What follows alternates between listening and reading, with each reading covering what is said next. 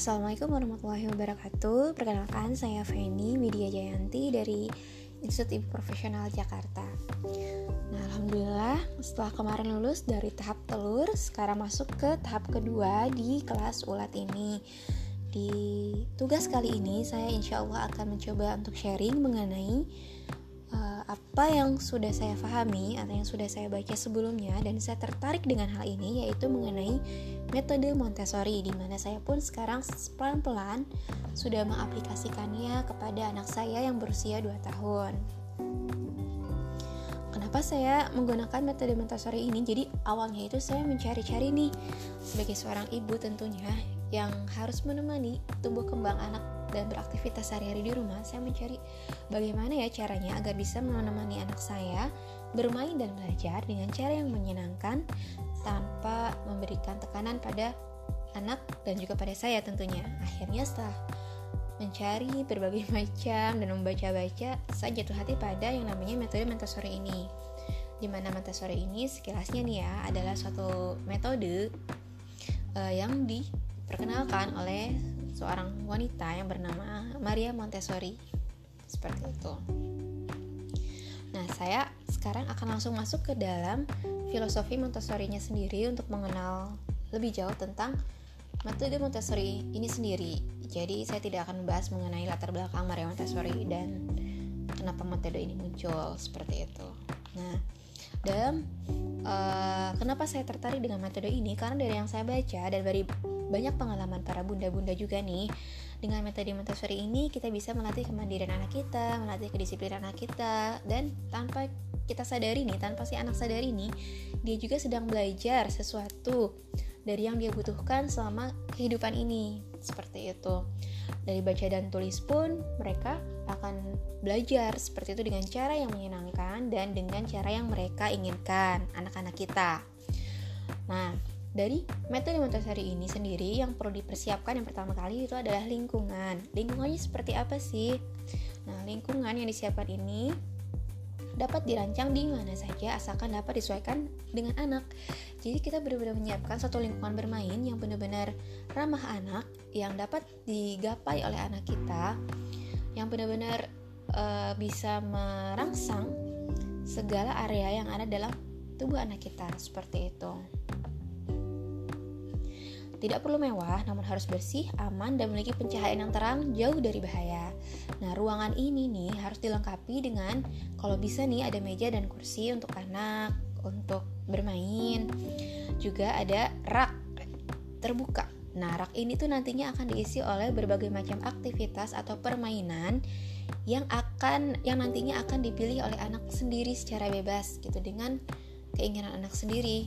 Di mana permainan itu mengandung unsur lima area.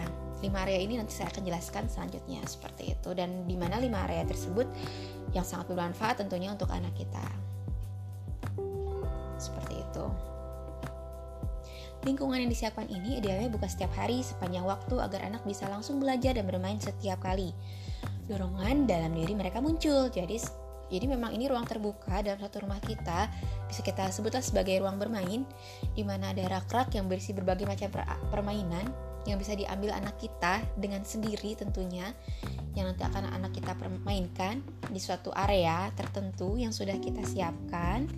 Dan setelah mereka bermain mereka akan membereskannya kembali dan menaruh permainan itu di rak. Dari situ kita bisa mengajarkan anak kita kemandirian dan kedisiplinan. Seperti itu. Lalu peran kita sebagai orang tua ini apa nih? Peran kita ini adalah sebagai seorang fasilitator atau pembimbing. Tugasnya itu yang paling banyak tentunya dan menyita waktu. Nah, perannya ini adalah menyajikan aktivitas Montessori pada anak. Dalam hal ini adalah permainan-permainan. Aktivitas dipresentasikan secara satu persatu kepada anak kita dalam satu waktu. Seperti itu. Nah, kita memiliki tiga tanggung jawab yang berbeda pada saat mereka sedang presentasi. Yang pertama, setiap aktivitas harus diberikan tepat pada saat perkembangan tertentu anak sehingga dapat dipastikan bahwa aktivitas ini akan menantang kemampuan intelektual dan fisik mereka. Jadi, aktivitas atau permainan kita sajikan atau yang kita berikan pada anak kita itu harus disesuaikan dengan umur anak kita sendiri. Yang kedua, setelah selesai menyajikan aktivitas pada anak, kita harus mampu menahan diri agar anak memperoleh kesempatan untuk memilih dan mencoba sendiri aktivitas atau permainan tersebut, lalu mengulanginya berkali-kali tanpa campur tangan kita, tanpa komentar kita atau bantuan apa pun dari kita. Yang ketiga, setelah anak berulang kali berlatih hingga mampu mengerjakan aktivitas tersebut beserta rangkaian latihannya dengan fasih, kita harus memberikan apresiasi kepada anak kita bahwa mereka itu telah mempelajari sesuatu selama proses tersebut. Seperti itu. Lalu kita masuk ke ragam aktivitasnya yang tadi saya sebut ada lima area. Dalam Montessori ini, Maria Montessori telah menyusun berbagai macam aktivitas menjadi lima pokok bahasan, yaitu yang pertama adalah keterampilan praktis dalam hidup atau practical life, yang kedua sensorial, yang ketiga bahasa, yang keempat matematika, dan yang kelima budaya. Nah, yang pertama keterampilan praktis dalam hidup atau practical life. Maria Montessori sendiri meyakini bahwa seorang anak kecil yang sedang bermain di taman, rumah, ataupun sekolah memiliki kebutuhan yang sama layaknya orang dewasa yang sedang bekerja. Jika tujuan utama dari orang dewasa bekerja untuk menciptakan sesuatu agar menjadi masyarakat yang mandiri dan toleran, maka begitu pula tujuan dari aktivitas bermain seorang anak membentuk seorang bayi menjadi pribadi dewasa yang mandiri dan penuh simpati. Seperti itu tujuan dari aktivitas atau permainan yang disajikan di area practical life ini, seperti itu.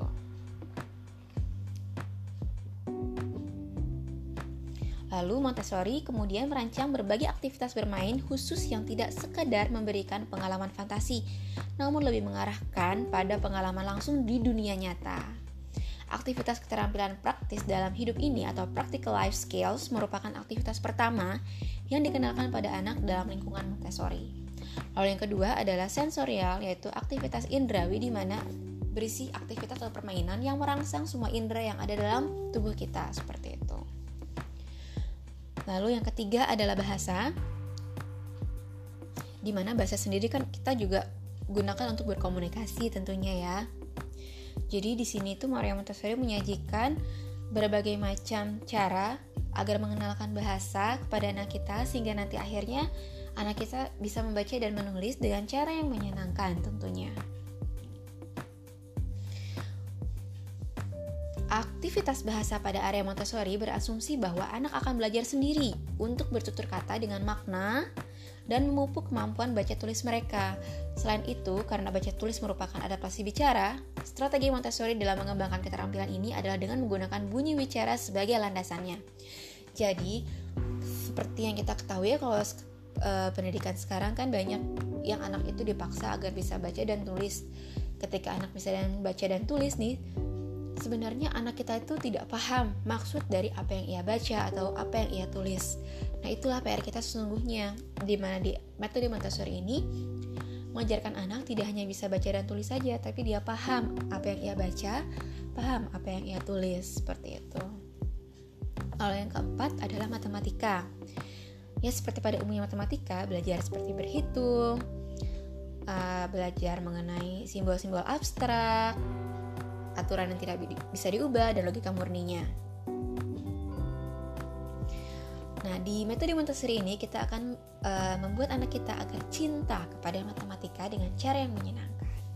Lalu yang kelima adalah budaya di mana di aktivitas budaya ini diuraikan pada area budaya ini mencakup sejumlah kecenderungan manusia dan aspek budaya yang berkaitan.